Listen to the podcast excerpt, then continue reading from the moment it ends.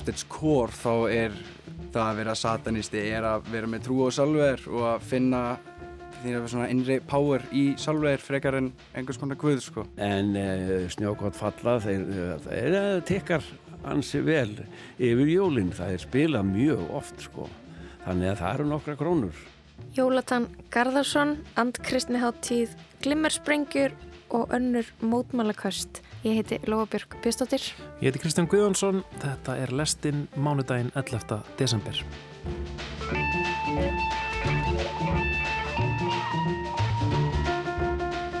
Við ætlum að byrja á stjórnmálum og glimmeri. Jakkafattaklættur maður stendur við ræðupúlt í ráðstefnusal og er um það byll að hefja málsitt. Skindilega rýs ung kona í brútni kápu upp úr sæti sínu á fremsta bekk og leipur í áttað manninum.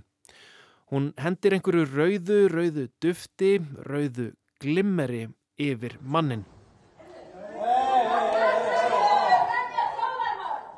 Og á sama tíma þá standa fleiri upp, farin á sviðið með stóran borða sem ástendur skrifað, stjórnmálaslitt og viðskiptabann við Ísæl. Atvikið átt sér stað síðastliðin förstu dag þegar auðanríkisáðara Íslands Bjarni Benediktsson var stattur til að tala á málþingi í Háskóla Íslands í tilefniða 75 ára afmali mannréttinda yfirlýsingar saminuð þjóðana.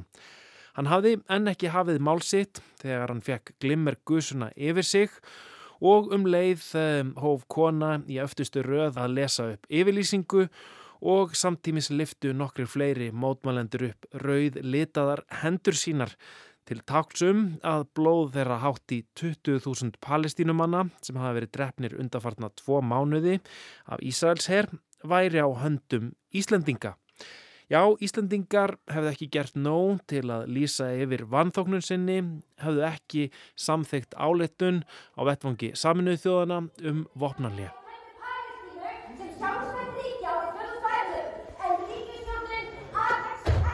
Atvikið hefur auðvitað vakið umtal og aðtegli. Í kjölfarið hefur verið rætt hvort að auka í gæslu í kringum íslenska stjórnmálamenn. Já því auðvitað hefði hvað sem er geta leinst í glimmerpokanum. Í viðtalið við vísi talaði Karl Steinar Valsson, sviðstjóri Öryggis og greiningarsviðs Ríkislörglustjóra um að þarna hafi verið farið út fyrir mörg þess sem eðlilegt er að segja og gera. Eitt er að segja hluti, annað er að breyðast við með öðrum hætti. Bjarni sjálfur gaggrindi að fjölmilar og þá sérstaklega ríkisútarpið hafi veitt mótmælendum einmitt það sem að þeir vildu sem var aðtikli á málstæðnum. Málfrelsið er mikilvægt, skrifaði Bjarni á Facebook og það að koma saman til að ræða tiltekin mál eru grundvallar réttindi, hins vegar er ég á móti skemdaverkum og tel að samfélaginu farnist best ef við öll sínum leikreglum samfélagsins virðingu. Þetta skrifaði Bjarni í Facebook færslu um glimmer gussuna, glimmer sprengjuna eða glimmer árásuna eða kannski er árás ekki rétt orðið, hvenar er árás árás, hvenar er glimmer árás. Þessi aðferð til að mótmæla, þessi aðferð til að vekja aðtikli á málstað, glimmer sem látið rigna yfir stjórnmálamenn, hefur helst verið tengt við mannreitndabáratu hins einn fólks í bandaríkjónum en í kringum forstakostningarnar þar árið 2012 var litríku glimmeri ítrekkað látið rigna yfir íhaldsama forsetaframbjöðandur stjórnmála menn og stjórnmála skýrendur. Fyrst var það Newt Gingrich sem fekk glimmer sturtu yfir sig árið 2011 þar sem hann áritaði bækur í mestu makindum. Stop anti-gay politics. It's dividing our country and it's not fixing our economy. Do it like a man. That was fun. Nice to, live, nice to live in a free country. Næstu mánuði urðu fjölmarkir aðrir fyrir glimmerinu, meðal annars Mitt Romney sem átti eftir að vera fórsetta frambjóðandi republikanaflokksins og Rick Santorum sem fjakk yfir sig, hvorki meira en ég minna en fimm glimmergusur á meðan hann barðist við Romney til að hljóta útnefningu flokksins í fórsettakostningunum. Glimmerið er auðvitað bæði mjúkt og vinalegt, tákn gleði og fagnaðar, en getur líka auðvitað verið gjörsamlega óþólandi. Hversu lengi hefur Sandorum verið að týna glimmerflixur úr hári sínu og fötum eftir hverja árás, eftir hverja sprengju, hverja gusu. Þetta sama ár, árið 2012, náði glimmerið svo til Íslands þegar prestur rúsnesku réttrúnaðakirkjunar hér á Íslandi fekk að kenna á glimmerinu þar sem að hópur fólks skvetti á hann glansandi fliksum og söng fyrir hann hins eins smellin Ég er eins og ég er.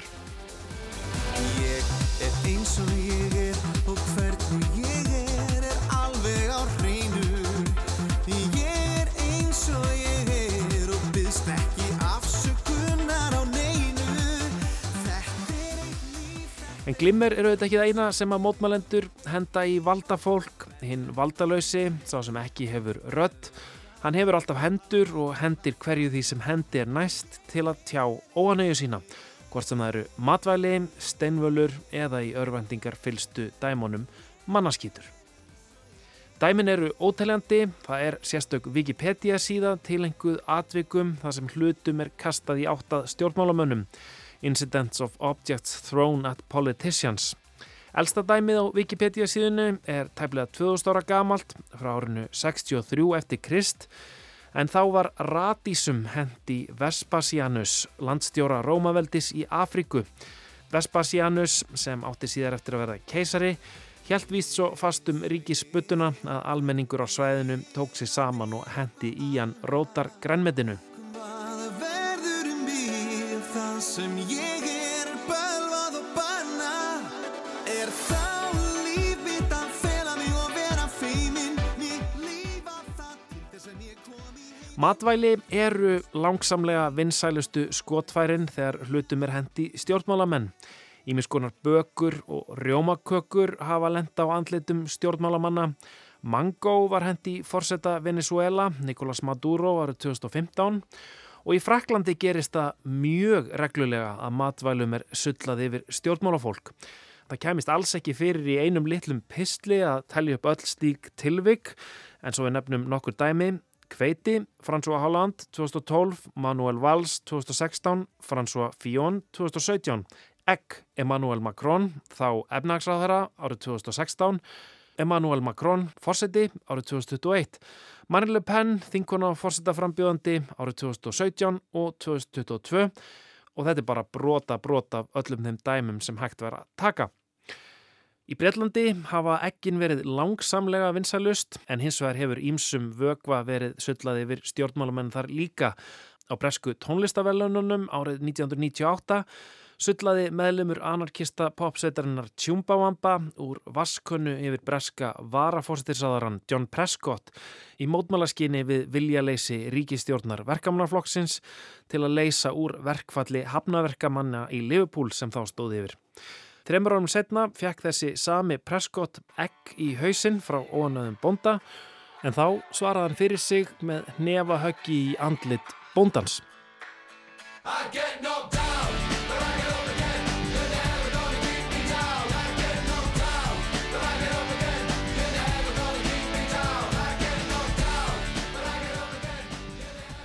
Egg hafa líka lent á íslenskum stjórnmálamönnum. Árnið Þór Sigursson, þingmaður vinstri græna, fekk eitt slíkt í gagnaugað í mótmælum við þingsetninguna 2011.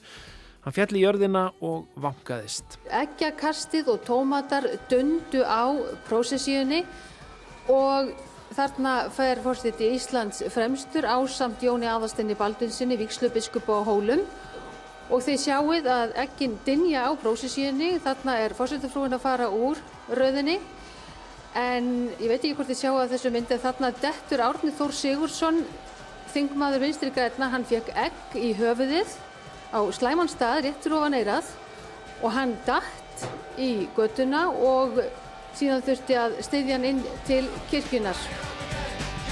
Þetta var núna fyrir þannig að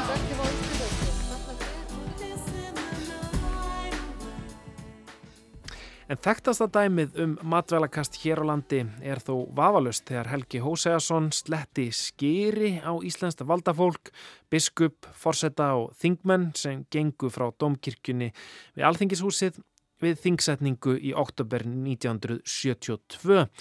Trúleysingin Helgi hafði barist fyrir því um ára bil að fá skýrnarsáttmála sinn ógildan en allt kom fyrir ekki þanga til hann fann sig knúin til að sletta skýri. Í frétt tímans um málið var atvikinu líst svo. Skyndilega kom Helgi Hóseason aðvífandi utan af austurvelli með dall í hendi. Hann var í gæru úlpu og með gummivettlinga og hafði hann saumað pjöttlu í lofa hægri handar svo hann gæti notað hana eins og auðsu. Hann hljóp undir fánan sem fánaberinn helt hátt á loft fram fyrir fyrirliðan og upp að gangstéttinni. Jós hann umsvefa löst úr dalli sínum á forsetta og biskup og síðan á hvern af öðrum eftir eftir fylkingunni. Þetta gerðist allt mjög óvænt og bröðist menn við á ímsa vegu. Riðlaðist talsvert gangan því að sumir sem ráðurum fengu til þess reyndu að víkja sér undan en aðrir heldu ótröður áfram og varði ekki séð að þeim brygði að ráði eða fataðist. Það eru uppbyndur 20 ár sem að ég hef með litlum kvildum reynd að fá þessa viðurkenningu sem að ég fekk í gær með skráningu eðileggingu sáttmálans í, í þjóðskrána og um, á því má líka sjá að lengi hef ég dreigið það að framkvæma eitthvað sem að uh, sem að hérna Hlifði þessu máli? landsfeður tækju til greina og og þeim virðist hafa þótt skýrið þess virði. Þetta var þá skýr, Helgi? Já, þess sletta skýrunu sem eiga það. Ég eh, keipti þetta skýr hérna út í Rangá í Stýpasundi. Var það ekki ansið mikið magn sem þú þurftir að nota? Uh, það voru sex pakkar af skýri, uh, þrjú kíló. En það er ekki bara matur sem fólk kastar í stjórnmálamenn. Þá er endi fósittisráðara Bredlands. Tony Blair fekk fjólublátt duft yfir sig í Þingsal árið 2004. Silvio Berlusconi heitin fósittisráðara Ítalju fekk leikfangastittu af domkirkjunni í Mílanó í andlitið árið 2009. Domkirkjan braut í honum nefið og nokkrar tennur og þurft hann að gista nótt á sjúgrási.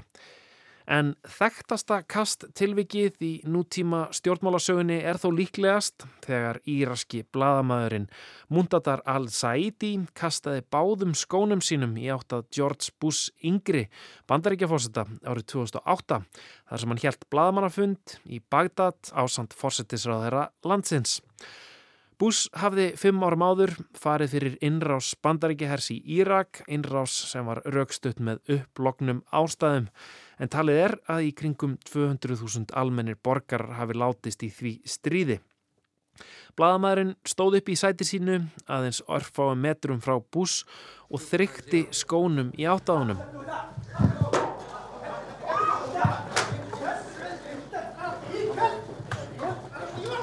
Þetta er hvaðið frá írusku þjóðinni, hundurundin rópaði Al-Saidi þegar hann kastaði fyrri skónum Þetta er fyrir ekkjur og munaðalega spörn allra þeirra sem hafa verið drefnir í Írak, sagðan á arabísku þegar hann kastaði þeim síðari. Viðbröð Bush voru hins vegar skjót, hann náða að beigja sig og koma sér undan.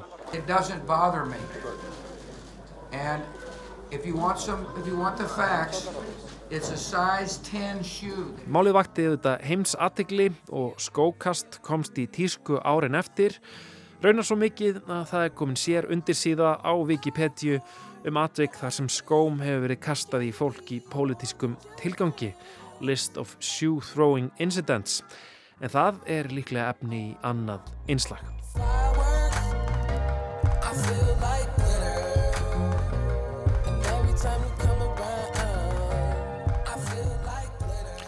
Glimmer, egg, skór og aðri hlutir sem að mótmælendur hafa hendi stjórnmálafólk undanfærin 2000 ár aða minnstakosti umfyllunaröfni þessa pistils.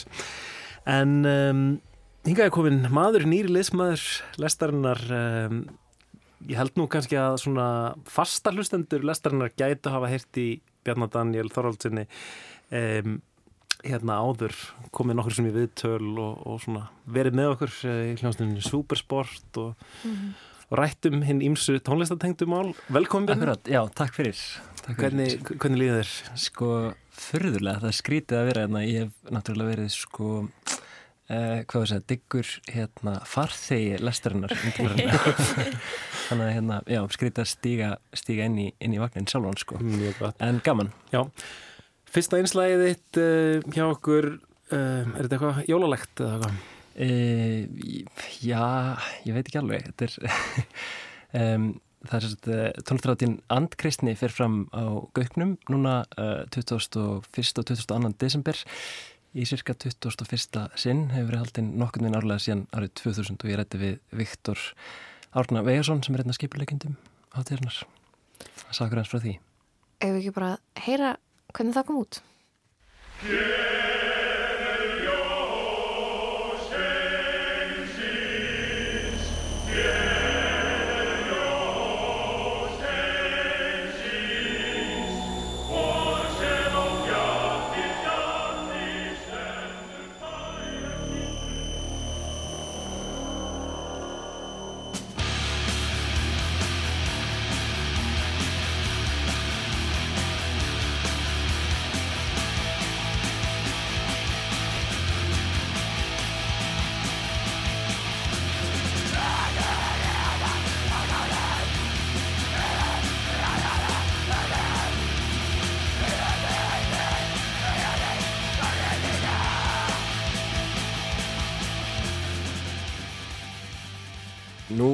kringum uh, vetrasólstöður í desember fer fram í cirka 21. sinn tónlistarháttiðin Andkristni á Gauknum nýri miðbæ og uh, Viktor Árni Vegarsson er einn af skipuleikindum hátíðarnar, hann er sestur uh, um borðið lestina. Velkomin Viktor. Takk fyrir, takk fyrir að hafa mig. Hvernig hefur í dag? Bara, bara sprækur sko.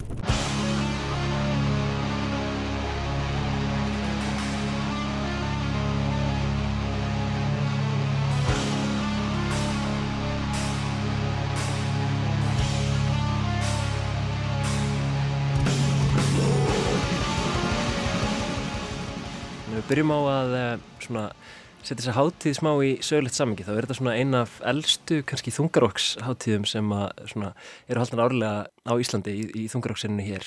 Um, getur þú sagt okkur hans frá sögu þessar hátíðar? Sko þetta byrjaði hvað, svona late 90s held ég, þetta, já hvað, fyrir 22 árum, það var stókunir í Dis, uh, Helidis sólstöðum sem hérna einhvern veginn bara byrja að halda tónleikar, eða bara tónleika hátíð og stundum líka bara einstök kvöld bara í kringum vetrar sólstöðin fyrir bara black metal og döðurokk og hérna og bara yfir tíðina þá hefur þetta verið svona nokkru mismunandi skipleikendur og hérna núna eru hérna ég og Haugur Þór Valdimarsson við erum að taka við og hérna við ungu, ungu kynsluðin í rauninni Einmitt.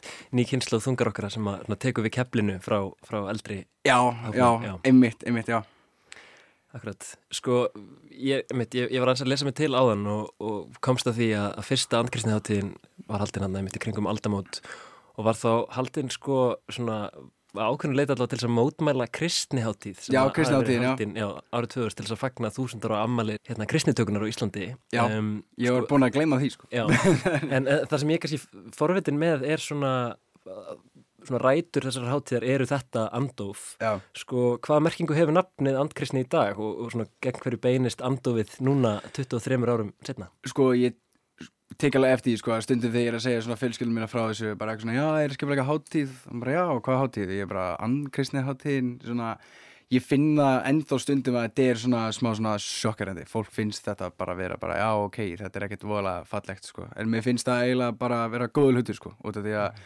tónlistin sem við gerum og böndin sem við erum að bóka, þetta á ekkert að vera eitthvað rosalega þægilegt og eitthvað svona safe eins og maður segir sko. Og þetta er allt svona rosalega ríl og þetta er bara svona mjög lítill hópur af fólki hérna á Íslandi sérstaklega í dag bara sem bara elska mjög þung tónlist og mjög weird list og elska skrikna hluti og við bara komum saman og gerum það að raunveruleika sko. En við erum ekkert eitthvað svona sakrafæsa dýr eða neitt þannig eða, eða ekki þannig sko. Við erum bara í rauninni bara einhverju krakkar sem elskar tónlist sko. Mm -hmm. Andkristni og djöfladýrkun líka kannski ekki endilega það sama eða hvað? Nei, nei, ekkert endilega sko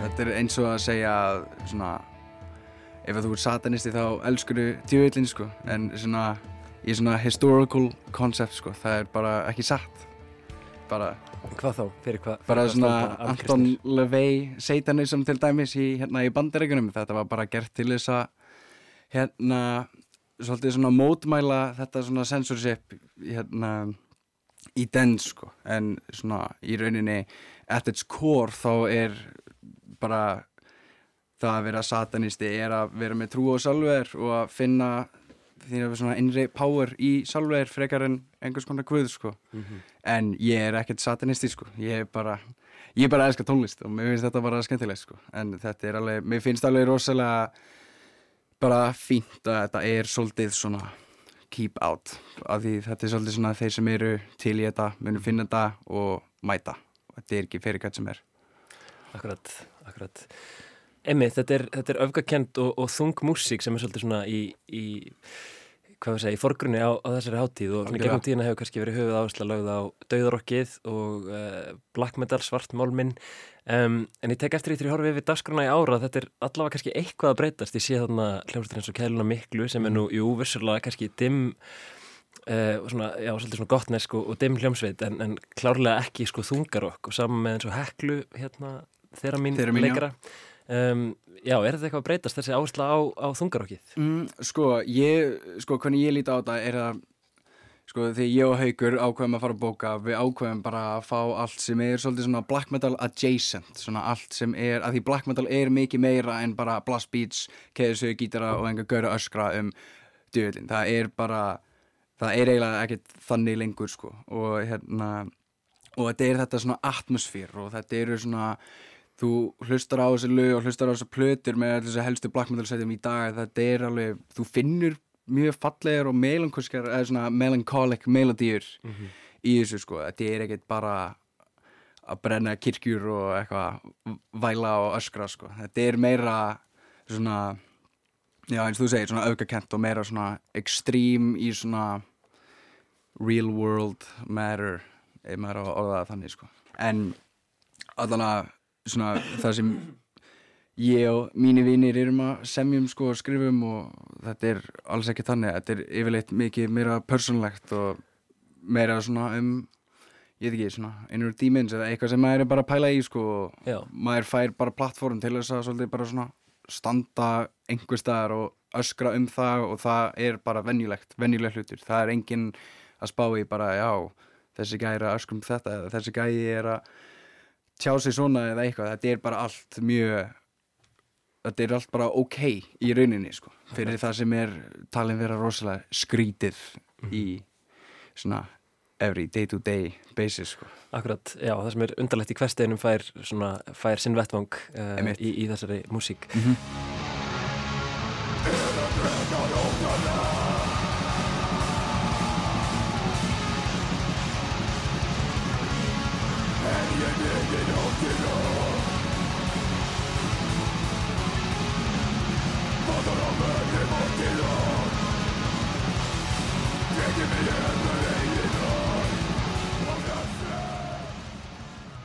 Sko, þú ert líka í hljómsveit sem heitir Forsmán Mhm. uh, og ert þar með uh, já, hinum skipuleikjanda andkristni líka, já. Haugur heitir Mhm. hann hérna, ég las eitthvað að þið varuð einmitt að fjalla að einhverju leiti líka um í ykkar músík sko, svona t- trúmálin og, og, og já, ég, ég held að sé það á greipvæn að, að þið varuð Jú. að pæla svolítið í svona já, pæla í, í trúnni og mér langar kannski bara að spyrja það svolítið út í þetta uh, í sammingi við sko andkristni hugmyndina, þú veist, hvað hérna, hvað er það að fást við í, í forsmán og, og svona, já, hvernig tengur það við þessa hátíð?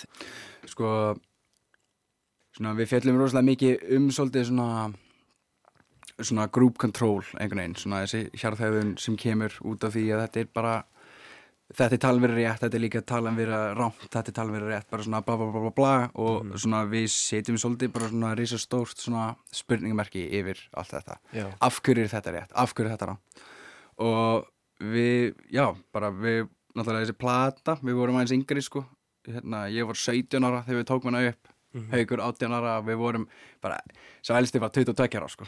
Og hérna, þetta er alveg svona, segja, við erum aðeins slakari núna sko, svona, við vorum svona bara ungir og svona trying to send a message sko. Já, svo ungir og reiðir. já, já, ungir reyðir sko. En svo bara erum við núna bara, við erum ekkert að senda neinn skilabóð sko. Þetta er núna, þetta er allt mikið meira personlegt og mikið meira bara frá sálinni sko. En þetta er svona en ég verði bara, bara ef þú trúur á hinni eða þessu, við erum alveg sama sko. Þetta er bara don't shove it down my throat sko. Þetta er í rauninni.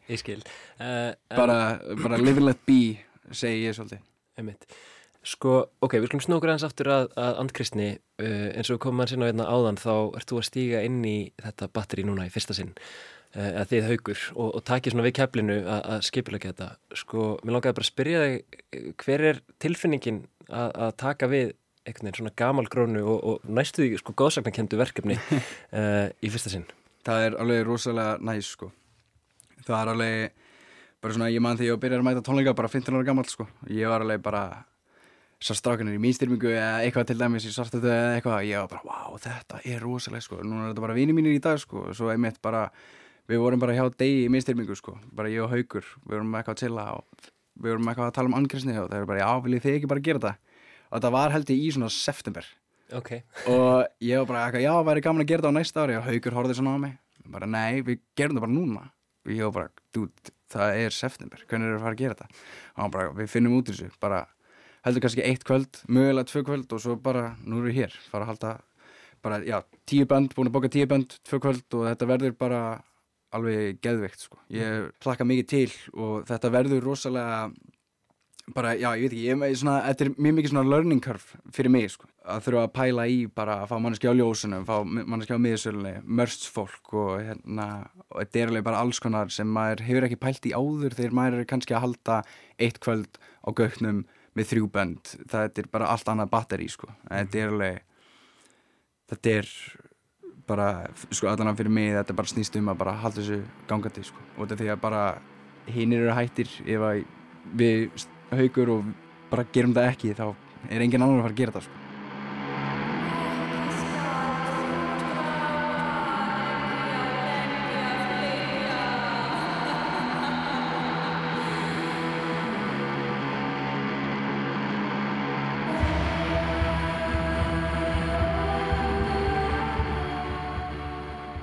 Hvað er það helsta sem þú hefur kannski lært í þessu ferli núna? Örgulega bara að vera fljótur að svara. Fljótur að svara. Ég, Fljótur að bregðast við já, og- já, já, já. bara svona í staðin fyrir að ofhugsa málin og vera kannski að hugsa um eitthvað bara, ó þessi soundcheck eða þessi línucheck eða eitthvað bara maður bara kemur plan og maður bara gera það. Af því ef maður bara ofhugsa þetta of mikið þá er ekkert að fara að gera sko. Ef maður er alltaf að býta grænljósi frá öllu og öllum sko bara svona at this point þetta er ekki bara ég og haugur að gera það við erum með fólk í crew með okkur og við erum með bara, það er bara aðrir að hjálpa okkur fólk í stage crew og menn á hljóðinu og þetta verður, þetta er núna bara teamwork sko Já. og ef að enginn er að fara að taka þetta að sér að senda einn skilabóður, senda einn fæslum og svona, þá er- verður allir bara left in the dust og vera bara já, hérna hvenar eru við svo að spila aftur bara, það, það gengur ekki sko það er svona, maður verður að vera mjög svona quick on your feet Akkurat, þannig að kannski stærsta leksíðan einmitt að, að, að það er eitthvað að taka frumkvæði og láta hlutina svolítið gerast. Já, emitt, sko. Já. Og það er líka bara erfitt að gera það, sko. Það er ekkert alltaf eitthvað svona eh, skemmtilegt, sko. En svona, það er til dæmis bara hlutir sem svona, ég er ekkert vola vanur í að gera, sko. Þanga til að það var bara komið að okkur til þess að gera þetta og við erum bara, já, bara allir bara að hjálpast það, sko. En ok, uh, já eins og þú sagðir, þetta verður þjætt tveggja kvölda dagskrá á gauknum Ó, núna uh, 21. og 22. desember, það er 50 dagur og, og förstu dagur. Er eitthvað fleira sem að fólk þarf að vita? Hver getur maður fengið miða og svo framvegis? Já, miði X, hérna bara Ann Kristni 2023 og já, tíu bend, tvö kvöld og þetta verður bara alveg geðvægt. Endilega komið og meiri segja, ef þú fýlar ekki þungarokk, bara ég held að þú möt alveg hafa gaman að því að mæta og bara koma og sjá. Þetta er algjört þýtir, segi ég bara. Æði, kannski, kannski rétt í lokin, hverju er þú svona spenntastu fyrir að, að sjá eða, já, eða heyra núna í ár? Ú, ég er mjög spenntið fyrir kælunni, sko. Það er alveg ekki að, sko. Já, Já. algjörlega, sko. Og hérna, svo er líka spenntið svo múr. Ég er eindir að spila með múr, hérna, bassalegina þeirra kemst ekki. Já, þú ert í afleysingum. Ég er í afleysingum, sko. Og hérna... Það er kannski líka svolítið dæmigert fyrir þessa senu að, að það er einhvern veginn allir svolítið í öllu, er Já, það ekki? nú er það bara vinir. Bara, hérna, já, Heklu, Ultar Magnús, Geggja, Slöðsband, alveg, já, þetta verður bara geðvikt. Hlaka mikið til. Ég laka mikið til líka, ég ætla að reyna að mæta Já, það var gaman að sjá þig. Já, uh, takk fyrir komuna í lestina, Viktor, og gangi ykkur vel með Andkrisni 2023. Takk fyrir.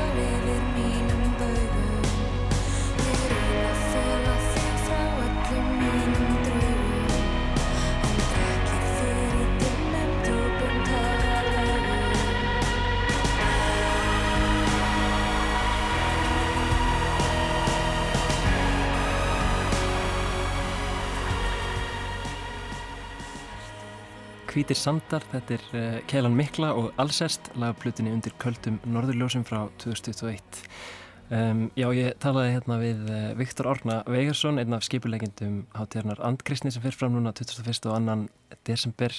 Uh, hann bað mig um að koma í að framfæra hann Viktor að miðaverð á hátíðina eru 4.666 krónur ef maður kaupir miðan fyrirfram á netinu, annars hægt að kaupa miða 5 skall við hurðina. Ok, Já. mikilvægt að þetta kosti nákvæmlega 4666. Já, það er ekkert annað í búði á Andkristni hátíðinni. Nei, eh, en já, þetta var fyrsta einslag Bjarnar Daniels eh, inn í lestina, hann verður liðsmaður okkar hérna á næstunni, þetta reynslubolti hérna af Rástöfu búin að stýra græsvotar tónlistafættinum Ólótagerði í nokkur ár núna, hvað er það búin að lengi? Tvö og hálft ár, eða næstu þrjú ár. Já. Já. Einmitt, en virkilega gott að fá þig um borð, eh, takk fyrir þetta. Vartu velkomin um Já, borð? Takk fyrir. Fyrir. en við ætlum að halda okkur í tónlist eða ekki? Jú, jólatónlist.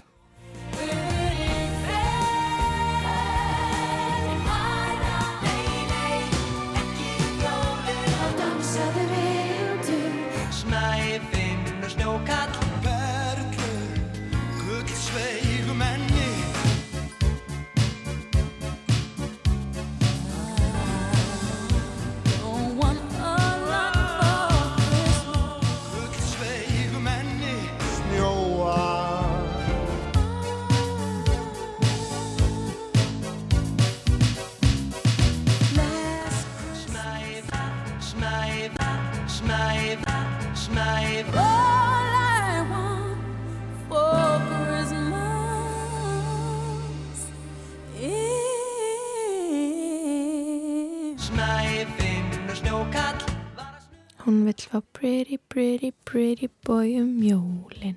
Ég ætla að opna tix.is og kanna aðeins stemminguna í jólatónleika bransanum. Heima um jólin, Fredrik Ómar og gestir. Það er uppselt á sjö af átta tónleikum í Silfurbergi í Hörpu. Jóhanna Guðrún er í fríkirkjunni, Bríett verður með tónleika með Jóla Ífavi og svo eru þetta tónleikar með bakkalút í Háskólabjó. Það er alveg 11 tónleikar. Um, Mér langar eiginlega að reyna að koma staði hvernig upphæðir við erum að tala um í jólatónleika bransanum. En mér finnst frekar leðilegt að skoða peninga og ég skil ekki alveg tölur þannig gefst fljótt upp en ég sé samt fyrirsögn frá árinu 2015 jólatónleikar bakkalút skila líklega nærri 100 miljónum í tekjur. Einmitt, ætla sé meira að það minna í dag. Ég held áfram að skoða tix.is jólagestir, tónleikar bó í lögatarsöll, auðvitað jólabó og svo Bubbi með þorlagsmessu tónleika, og MC Gauti auðvitað með júlevennir á sínum stað og svo framvegis og svo framvegis og svo framvegis en ég staldra aðeins við júlevennir því að það er ykkur kjarni í jólatónleikabransanum. Þetta er lagið Hjálpum þeim frá árinu 2020 Líkasrættastöðun sem ég fæ frítt í er lokuð og ég er komin á bíl sem þarf að stinga likli í. Og ég er ekki eins og með hita í stýrinu lengur. Listamæðurinn MC Gauti er að svelta, hann er fátækur og það er allt ómögulegt en hann á þetta leinivopn inni. Leinivopnið er jólatónleikar. Ég ákveði að loka tix.is og opna Spotify. Leitað spilunarlistanum Top 50 Æsland en það er spilunarlisti sem að inniheldur þau lög sem að landsmenn er að hlusta á þessa dagana og í dag, 11. desember, eru um það byrj 45 lög af 50 jólalög. Á þessum spilunarlista er að finna alltaf helsta Last Christmas með Wham, All I Want For Christmas Is You, Ef ég nenni og svo eru tvö ný lög í öðru og þriðja seti. Það er lægið Pretty Boy um jólin með Patrick, honum Pretty Boy Choco og lægið þessi típisku jól með strákasveitinni Ice Guys. Hér er innlegg Pretty Boy.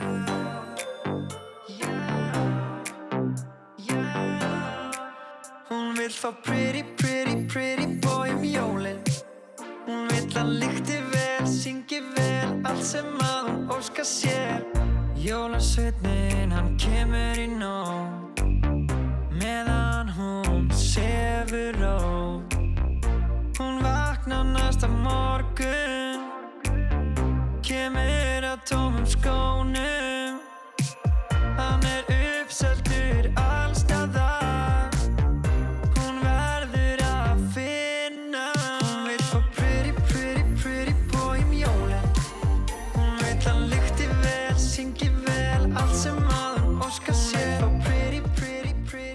Stúlkan í læginu vil endilega fá sætan strák, jafnvel sjálfan Pretty Boy Choco í skóin. Og svo er það lægið með Ice Guys, þar þeir Rúri Gísla, Aron Kahn, Herran Hnitsmjör, Frikki Dór og Jón Jónsson.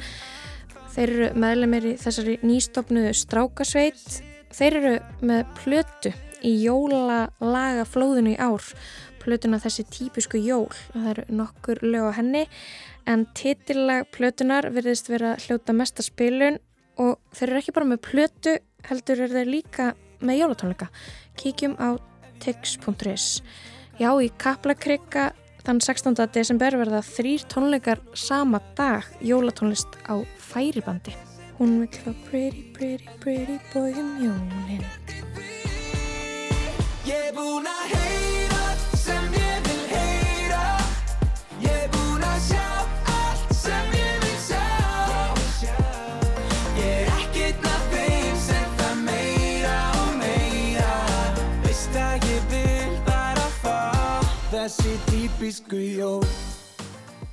En þessir sjóðheitu sexy sjómlar með sixpack og skenna hvítar tennur munu syngja inn jólin í ár, syngja sér inn í hjörtu lítilla stúlna sem fá enn í skóin vonandi Pretty Boy Choco og þeir selja tónleika með það, slá sölumett og streymismett eins og enginn sem morgundagurinn.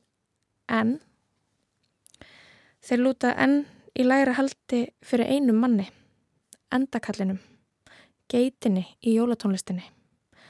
Jólasveitnin Latti trónir nefnilega á toppi spilunarlistans Top 50 Æsland á Spotify.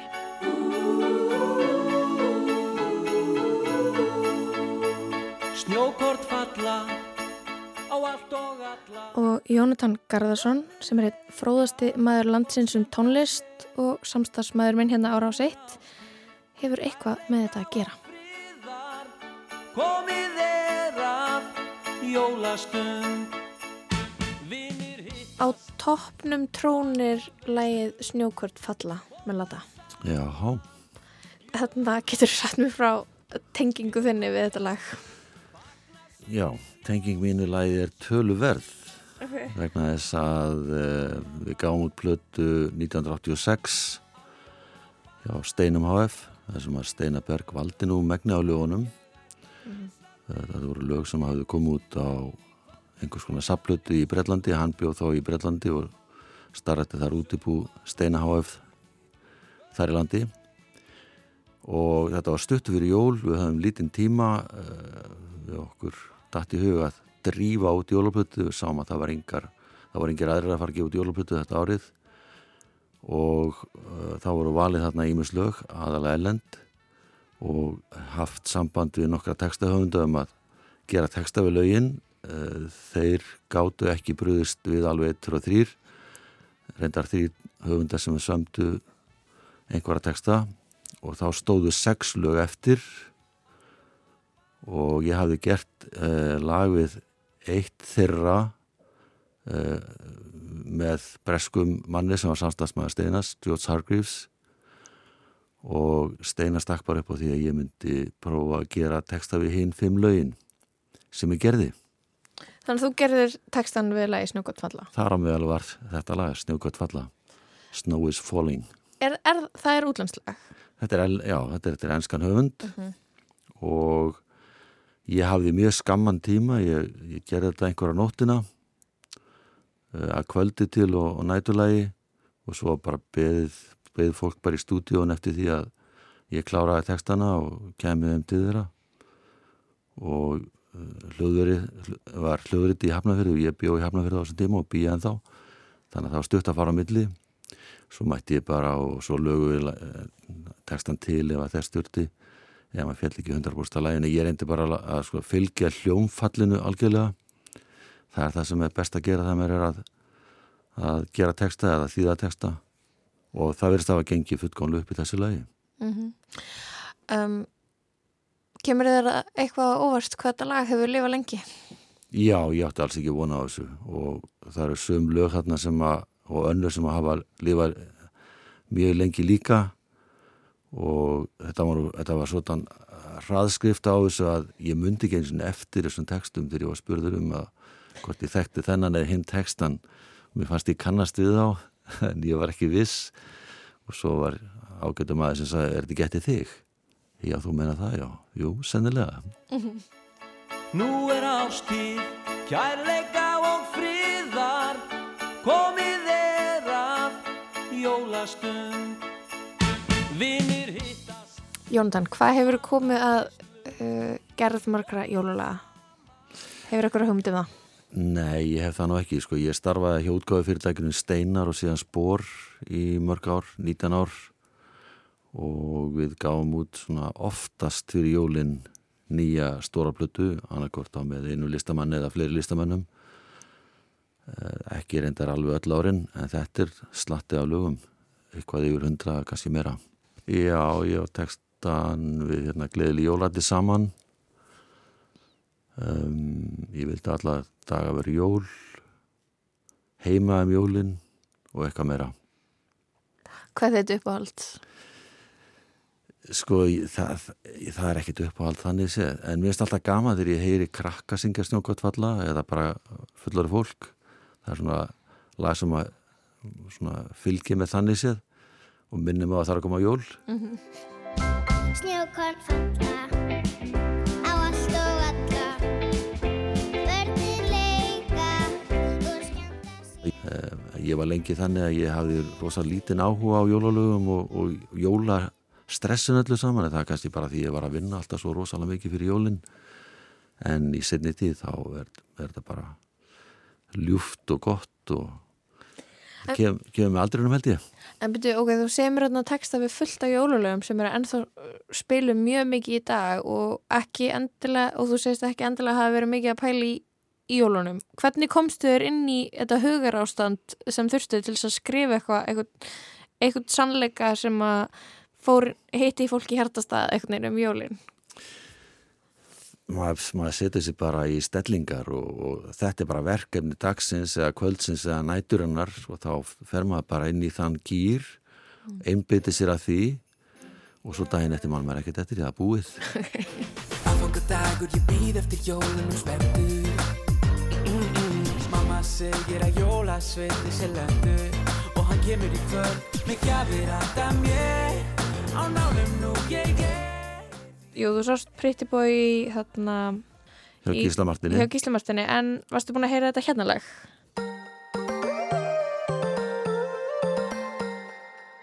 Ég er venjulegu maður, mátt stóla á mig Sami staður, sami matur, sama jólamynd Og ég skil þú byrð eitthvað framand og nýtt Sorry en þannig eru bara ekki jólin mín Friðrik Ómar, óhar Ef ég nenni að snæfunni snjókar Gamla, góða, jóla Jóhanna, Guðrún og Kórar Segir þú viljir bóka Þetta lag hef ekki heyrt áður en þetta er bísna gott og geti alveg lifað áfram. Heldur það? Já, það er grípandi laglína, Mhm. skemmtilegu texti, Mhm. þetta geti alveg virkað. Mhm. Og það er hann að líka kasta kveðju á önnur jóluleg í þessu já, lagi. já, já, það er svona, það vitnað til þeirra að þau eru nefnd til sögunar. Aha. Sko, ég held að jólalaga pakkin hafi breyst verulega á síðustu ára. Það var þannig hér áður fyrir að þá voru jólulegin mjög vinsæl eh, bara yfir jólatíman sjálfan, þar að segja frá með aðfangadegi og svo fram á 13. Eh, síðan fór þetta að færast framar í tíman.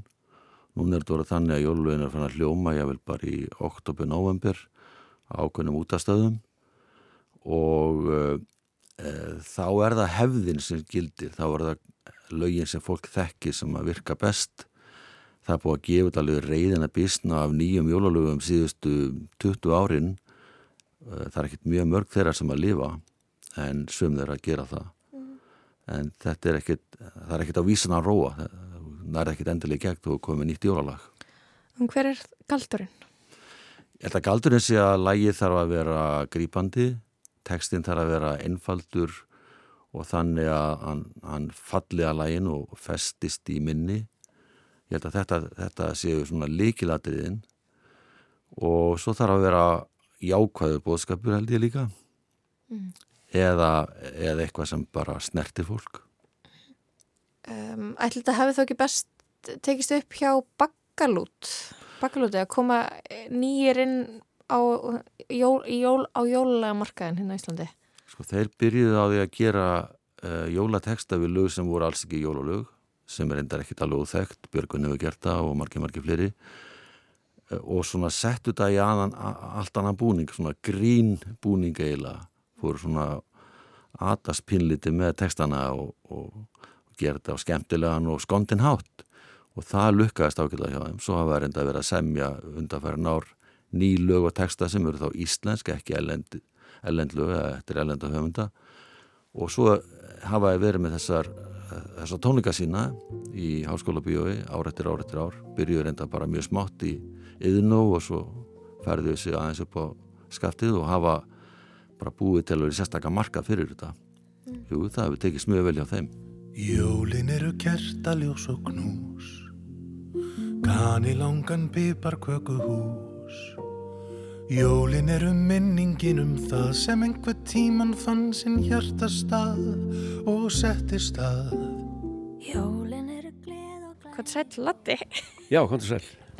Þannig að um, vissiru að snjókvæmt falla væri vinsalstu jólulegið í dag? Nei, ég vissi það ekki. Það var uh, í fyrra eða hitti fyrra var það vinsalast en ég var ekki búin að heyra væri það núna. Hva- Hvernig finnst þér að heyra það?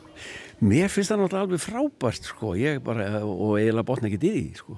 En samt sem áður, þetta er óbúslega skemmtilegt lag, svona, en, en það er komið svo fullt af öðrum lögum og nýjum lögum, en, en þetta bara er einhvern veginn svona. Hvað heldur að sé við það? Hver er galdurinn? Ég veit, ég held að það er ekki beint kannski söngurinn, en, en lægið bara sjálf, það er bara lægið og textin og svona, og, og jú, jú, ég ger þetta ágætlega sko. Hvað heldur að stór hluti af svona þínum tekjum komi bara beint úr jóla, jólalagagigginu og jólatónleikagigginu? Ég veit að það er nú ekki mikið sko, það er maður fær nú ekkert mikið borga fyrir í, í, í stefgjöld fyrir svona en, en uh, snjókvátt falla þeir, þeir uh, tekkar ansi vel yfir jólinn, það er spilað mjög oft sko, þannig að það eru nokkra krónur. En ertu ekkert að spila jólatónleikum? Jú, jú, jú, jú, ég er búin að syngja það nokkur sinnum núna og er að fara líka norður á Akureyri í græna hattin núna um helgina första og lögadag og þar náttúrulega verður snjókort falla að sjálfsögðu, nummer eitt Þannig að ertu eitthvað að gera nýja jólalög eða? Já, það eru tvö nýj jólalög sem eru uh, hjá mér, ég hérna var beðin um að syngja með uh, Friðrik Dór, Freka Dór. Það er læg með skóin út í gluggan það er nýtt og svo með ánum Má, Már Gunnarsson. Held að svenki kunna meta það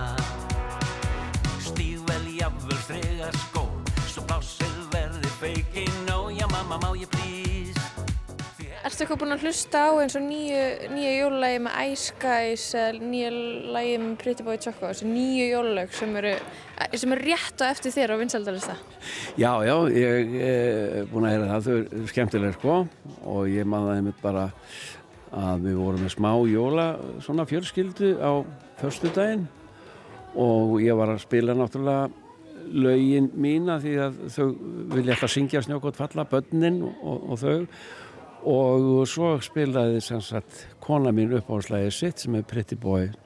Choco. Já, og hérna og það voru allir mjög hissa. En mjög skemmtilegt lag, ég vil nú að segja það. Mér finnst það mjög skemmtilegt Sko, ok, Jónatan hann viðkendi eiginlega að fyrir honum var þessi textaskrif bara svolítið vinna, hann hefði ekkert verið sérstaklega mikið í jólabatn, var það síðan kannski setna, en þannig var hann bara í vinnun að skrifa texta og bara það þurfti bara að henda út plötum út af því að það vantaði peninga. Og, og þarna, þú veist, ert þú jólabatn, Landi, og þú verður að vera hrinskilin, ert Já, ég skal vera reynskilin, ég er svolítið jólabatn, ekkit rosalega mikið, en mér finnst alltaf gaman á jólunum. Mér finnst alltaf gaman og mér finnst aðeinslega gaman að, að syngja þessi jólalög, snjókot falla, rokkaði í kringum jólatreð og hérna jólinn eh, er að koma á ný, jólinn kom aftur á ný og ég man ekki hvað, það var að líka að koma út eh, sapplata, jólaplata, sko vínil með mér núna, já, já, með, með uh, öllum jólalögum sem ég hef sungið sem eru bara ansi mörg. Þannig að, að það er komið á vínil og það er mjög skemmtilegt og, og fólk ætti kannski aðtúa það. Er þetta svona þitt mest uh, uppteknasta tímabil svona yfir árið? Nei, nei, alls ekki. Það, bara, það, það var í gamla daga meira sko. En ég hef minkað það mjög mikið en, en ég, það er alltaf eitthvað svona. En ég er, uh, er bara yfirleitt í fríi yfir jólinn og áramótin. Ég ætla að hleypa þér uh, inn, þú, hva, hvað ertu að vera að gera? Æfing fyrir... æfing fyrir jólastundina okkar. Já, takk. Takk fyrir jól. Gleðileg jól.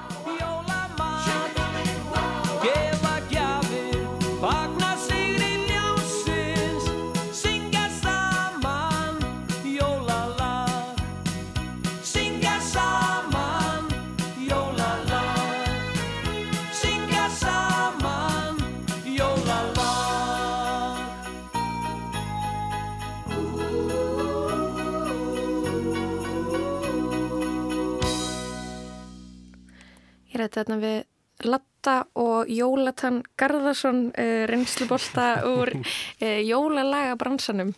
Jónatan, uh, eða Jólatan samti textan eins og hlustendu vita núna við lægið Snjókut falla en hann var því miður ekki með jólasunna húi og heitt súkulaði í geðugu jólaskapi að skrifa textan. Heldur bara einfallega að reyna að koma ykkur plötu út. Nákvæmlega.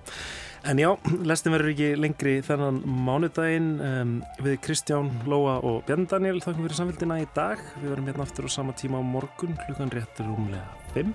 Teknumar var Lítiða Gretsdóttir. Verðið sæl.